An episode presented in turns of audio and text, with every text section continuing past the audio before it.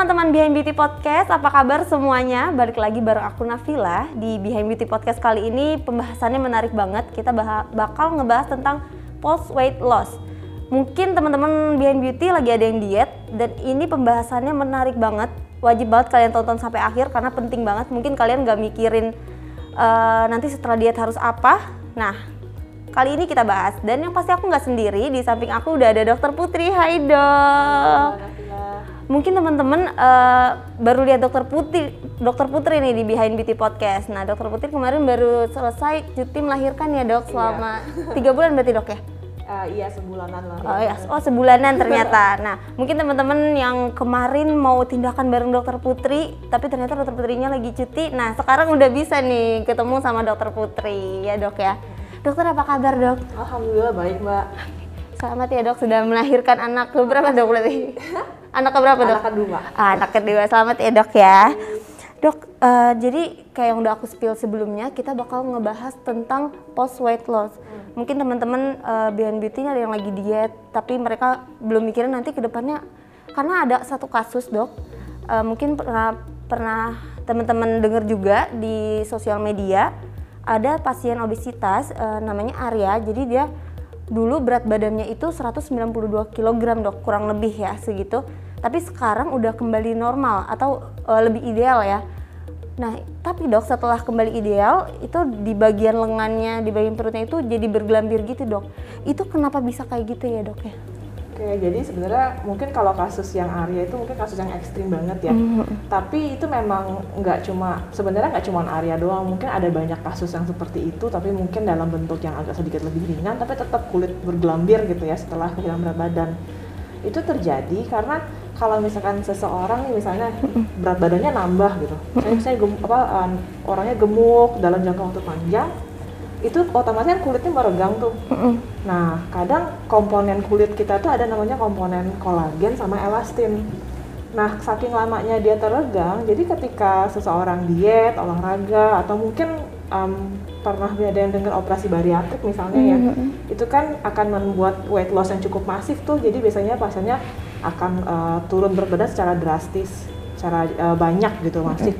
Nah pas dia udah nggak ada nih jaringan lemaknya gitu, misalnya udah berkurang jauh, si kulit itu nggak punya kemampuan untuk balik. Nggak mm, bisa kembali normal iya, gitu ya. Karena kalau lagi malasnya kayak ibaratnya kayak udah ditempur paksa gitu mm -hmm. ya. Jadi ketika dia mau kembali lagi, dia nggak bisa tuh stretch back gitu. Mm -hmm. Jadi akhirnya dia akan tersisa lah, jadi kulitnya jadi bergelambir. Mm, tapi sebenarnya ada nggak sih dok yang setelah dia diet, tapi kulitnya juga kembali juga gitu dok? Sebenarnya memang bisa aja sih kalau misalkan tidak terlalu lama, maksudnya pastinya juga nggak terlalu yang besar banget mm -hmm. gitu ya. Kadang kulit itu emang ada elastisitasnya kan, mm -hmm. jadi masih bisa balik memang. Tapi memang kalau misalkan sudah yang terlalu uh, obes banget gitu, mm -hmm. kayak berat badannya berlebih banget, besar mm -hmm. banget, lalu dia merubah pola hidupnya, lalu sampai dia akhirnya uh, banyak penurunan berat badan drastis, mm -hmm. biasanya sih cenderung uh, menyisakan kulit yang bergelambir hmm, itu. Jadi di, tergantung setiap orang juga ya dok ya. Yeah.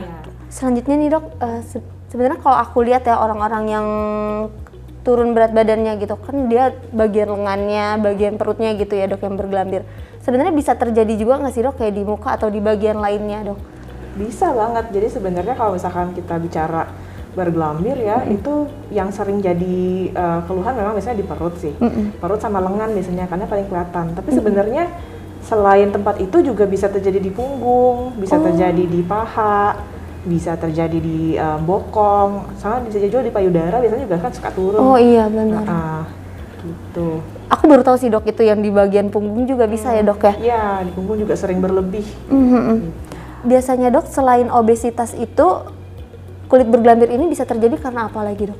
Kalau misalkan yang paling cukup umum ya yang sering biasanya ya kehamilan juga bisa sih mm -hmm. kan kalau mhm. misalkan kehamilan kan biasanya um, perutnya membesar tuh iya. terus nanti kan ada jangka waktu berapa lama 9 bulan dia mengandung terus nanti anaknya keluar kan uh, kempes tapi mm -hmm. ya tadi saya bilang ya jadi kan kulitnya nggak balik lagi tentu, gitu dok uh, belum tentu balik lagi gitu belum belum tentu bounce back gitu mm -hmm. jadi ya itu suka berlebih juga gitu mm -hmm.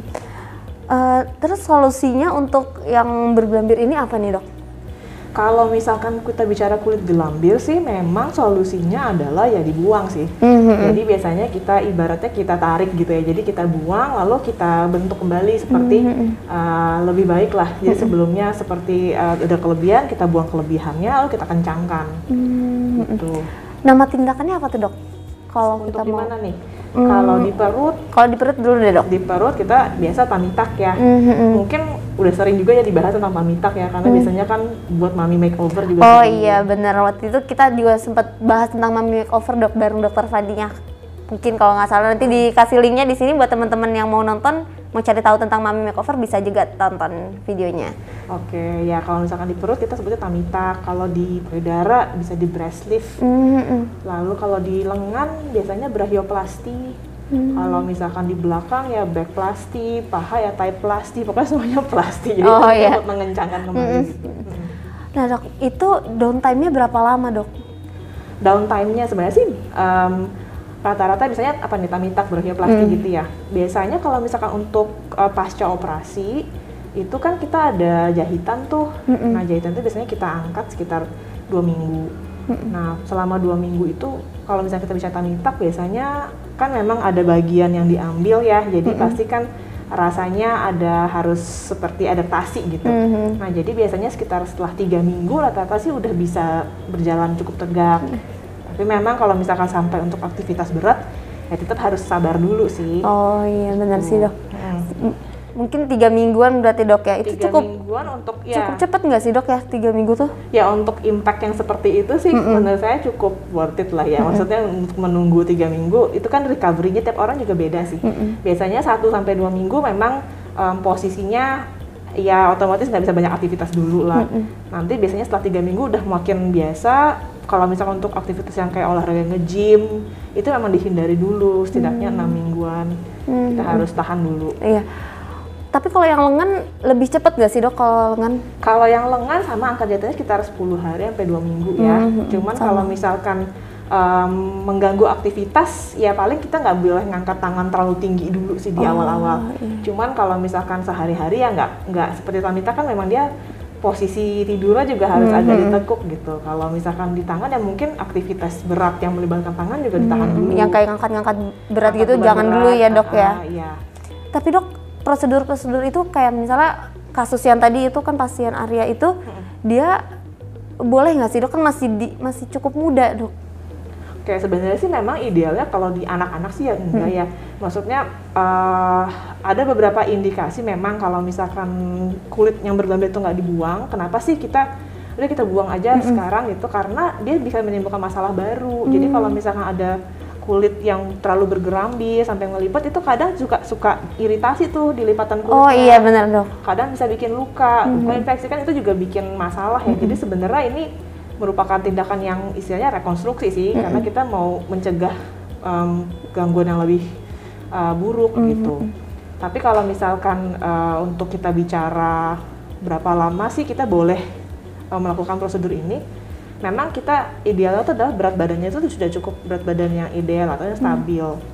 Jadi kalau misalkan memang masih ada rencana turun berat badan lagi, sebaiknya ditunggu sampai berat badannya itu stabil. Hmm, berarti dok eh, jadi kalau udah di bawah umur eh, di bawah umur tetap bisa tapi dilihat lagi ya dok kondisinya seperti apa gitu dok. Ya kalau misalkan itu mungkin kita sifatnya untuk ngebuang yang berlebihnya itu ya, tapi kalau misalkan untuk ngekontur badan yang benar-benar ya mungkin baiknya sih ditunggu sampai cukup dulu. Hmm, gitu. Berarti balik lagi kalau misalnya operasi plastik itu bukan cuma tentang kecantikan ya dok, tapi untuk kesehatan juga. Kayak tadi untuk menghindari lecet-lecet gitu ya dok ya. Ada lagi nggak sih dok manfaatnya selain buat eh, kayak menghindari lecet-lecet ini gesekan gitu dok? Ya pasti tampilannya juga lebih baik ya. Oh iya benar. kalau misalkan Jadi lebih percaya diri ya dok ya. percaya diri lah setidaknya. Selanjutnya dok, eh, kalau misalnya prosedur-prosedur tadi kayak tamita, brachioplasty itu bisa dibarengin sama liposaksin nggak sih dok? Sebenarnya bisa, cuman kalau misalkan kondisinya memang dia udah kulitnya berlebih banget dan dia memang sudah beratnya sudah ideal gitu ya. Sebenarnya ya kita yang penting itu adalah ngebuang si kulitnya. Gitu. Liposaksin itu biasanya untuk ngebantu kita ngebentuk kan. Gitu. Cuman kalau misalkan kita memang tujuannya buat ngebuang itu ya emang dengan si pembedahnya adalah si uh, tamitak atau brachioplasty tadi. Mm-mm. Karena liposaksin itu untuk eh, mengurangi lemaknya doang ya dok ya, bukan untuk mengurangi kulitnya. Betul. Jadi berarti mungkin masih bisa kalau misalnya ada yang mau dikurangin lagi bisa dibarengin sama liposuction berarti dok. Betul. Oke. Jadi lipo itu lebih kayak untuk ngebentuk gitu ya. Tapi kalau misalkan untuk ngebuang, ya nggak bisa. Apa ngebuang kulit yang berlebih dia nggak bisa. Hmm, gitu. Selanjutnya nih dok, setelah melakukan tuck dan brachioplasty itu stretch marknya itu juga hilang juga nggak sih dok? Yang di bagian yang kulitnya diambil sih ya pasti hilang. Jadi pasti kalau ditanya hilang semua atau enggak sih belum tentu. Tapi kalau misalkan berkurang pasti. Jadi kalau misalkan kita ambil kan emang hilang tuh stretch Iya bener, nggak ada kulitnya ya. Iya, cuman logikanya mungkin stretch mark tadi di mana itu pindah ke bawah gitu. Hmm, Gitu. Jadi Berarti straight marknya yang ke- kebuang, yang kulitnya kebuang, straight mark, bagian straight mark di kulit yang kebuang ya kebuang ya dok ya, Betul, hilang. Tapi ya tetap ada gitu dikit ya dok ya. Eh, tapi ada al- alternatif lain nggak sih dok selain tuck dan brachioplasty ini? Untuk menghilangkan kulit Iya betul dok. nggak ada sih soalnya Hmm. kalau misalkan kita kulitnya berlebih ya kita harus buang kulitnya kalau udah apalagi kalau yang kita lihat kasusnya kayak yang Arya tadi Hmm, gitu ya Itu karena udah lumayan cukup banyak ya dok Iya, kulit yang harus dibuang ya. itu. udah banyak banget. Kalau untuk bekas luka operasi operasinya ini dok panjang nggak sih dok? ya terus terang sih kalau misalkan kita ngelihat kulitnya makin berlebih ya panjang sih panjang pasti. Hmm. maksudnya ada yang harus kita treat gitu. Maksudnya kita mau ngebuang kulitnya tapi ya kita dapat apa? Dapatnya scar itu pasti ada. Namanya juga kan uh, sayatan ya luka pasti ada ada bekas lukanya. Hmm, Tapi kayaknya nggak perlu khawatir ya dok, karena kan eh, setelah itu bisa dengan tindakan untuk menghilangkan scar ya dok ya, dengan laser mungkin dok ya. Ya sebenarnya kalau misalkan scar itu kadang pasien mungkin ngerasa worry dulu di awal gitu. Karena sebenarnya masih merah atau apa sebenarnya proses penyembuhan luka itu tuh nggak berhenti sampai angkat jahitan. Jadi angkat jahitan tuh kayak kita lihatnya ibaratnya kering mandi apa silahkan. Tapi final scarnya itu tuh misalnya ambil waktu sampai enam bulan sampai setahun bahkan. Nah menjelang itu kita ada tuh beberapa langkah yang bisa kita lakukan untuk mencegah scar. Misalnya kita pakai gel pengurang scar atau laser. gitu. Hmm, Jadi nggak perlu panik dulu ya dok ya, nanti kan itu berangsur-angsur akan mulai memudar gitu ya dok ya. Ya, scar pasti ada sih. Cuma maksudnya kita berharap dia bisa lebih baik tampilannya kalau kita uh, tackle dengan baik gitu. Mm, betul. Nah itu dia dok pertanyaan terakhir di podcast kali ini. Mungkin teman-teman kalau masih ada pertanyaan bisa tanya di kolom komentar ya. Nanti eh, akan dijawab di podcast selanjutnya atau akan dijawab di Instagram Plastetik Klinik. Terima kasih ya dok udah mau sharing nih di Behind Beauty Podcast. Sama-sama. Setelah ini dokter Putri juga akan operasi lagi nih. Jadi kita harus buru-buru. nah dok, mungkin teman-teman juga yang lagi diet nih bisa setelah itu sambil-sambil nabung kali ya dok buat si brachioplasty sama tuck ya biar nanti setelah diet bisa langsung tindakan ya dok ya Iya, tapi intinya setelah tindakan pun tetap kita jaga dietnya juga iya ya. benar Tetap- harus tetap diet Nutrisinya juga juga tetap harus dipenuhi. Oke, terima kasih buat teman-teman yang udah nonton Behind Beauty Podcast atau dengerin Behind Beauty Podcast. Sampai jumpa di podcast selanjutnya. Dah.